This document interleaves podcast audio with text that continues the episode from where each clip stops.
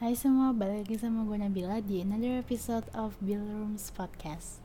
Edisi podcast kali ini gue mencoba untuk pakai background lagi. Hari-hari membosankan yang gue lalui selama pandemi ini bener-bener buat gue penat di rumah terus. Cuman karena gue tahu di sini kita sama-sama penat di rumah terus I'm trying to change something.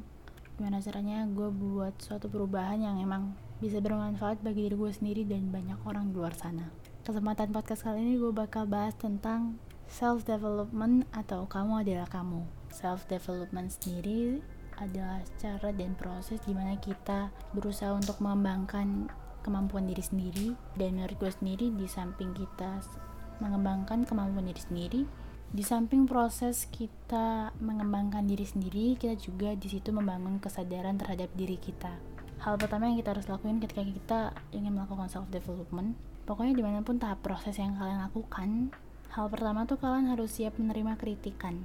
Karena sebaik apa pun diri kita, kita tetap aja we can't judge ourselves completely. Um, baik kok ketika kita mau menerima saran dan kritikan orang lain karena for me kritikannya tuh udah kayak bonus dari proses self development yang lagi kita usahain atau kalian dalam proses tersebut. Jadi kalau menurut kalian kritikan yang kalian terima itu bersifat membangun, ya silakan aja kalian jadikan suatu encouragement sekaligus jadiin bahan introspeksi diri sendiri. Gimana ya? Um, introspeksi diri tuh nggak harus melulu datang dari orang lain terus. Karena terkadang diri sendiri tuh udah bisa untuk memperbaiki apa yang salah dari diri kita. Biar lagi mungkin kalau kritikannya itu bersifat menjatuhkan lebih baik nggak usah dipikirin. Uh, kebetulan banget tadi gue habis nonton YouTube-nya Maudia Yunda yang di mana videonya berjudul My Stanford Graduation What I Learned.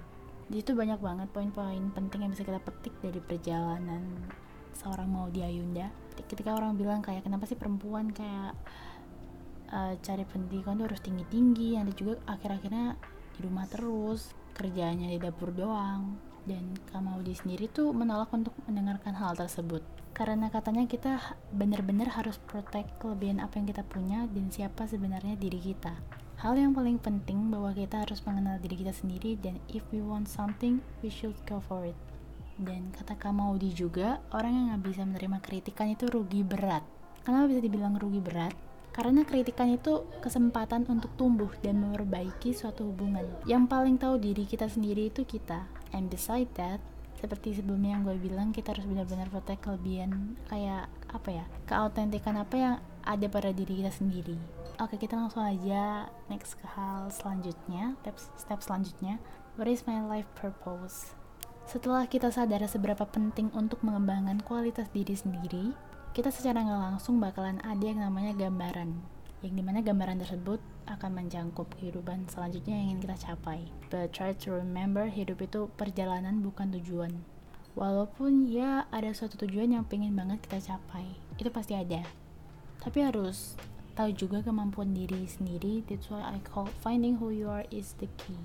Ketika kita mau mencoba menghindari ekspektasi-ekspektasi yang mungkin susah untuk kita realisasikan, kemarin gue dapet beberapa pelajaran yang gue petik dari gue nonton YouTube. Gue lupa judulnya apa. Kita tuh harus bisa ngelihat kemampuan diri sendiri.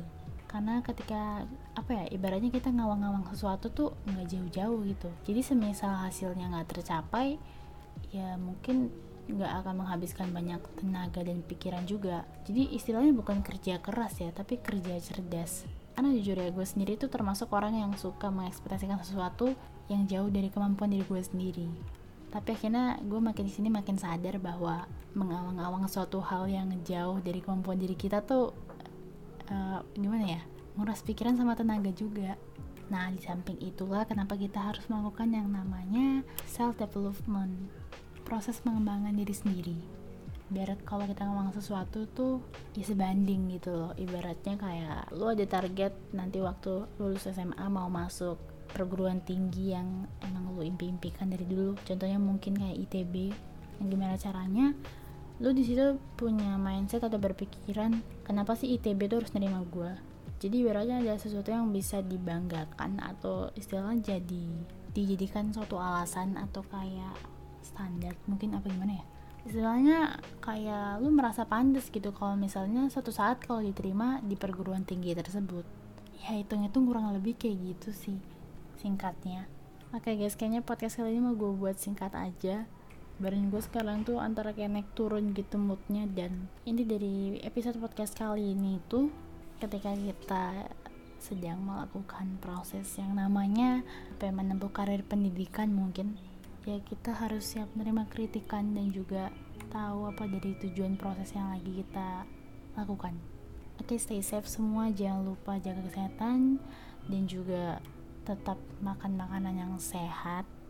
Kita masih pandemi lagi nggak tahu ini kapan berakhir. Gue pengennya nanti waktu masa SMA tuh bisa offline gitu. Oke okay, have a good day semua.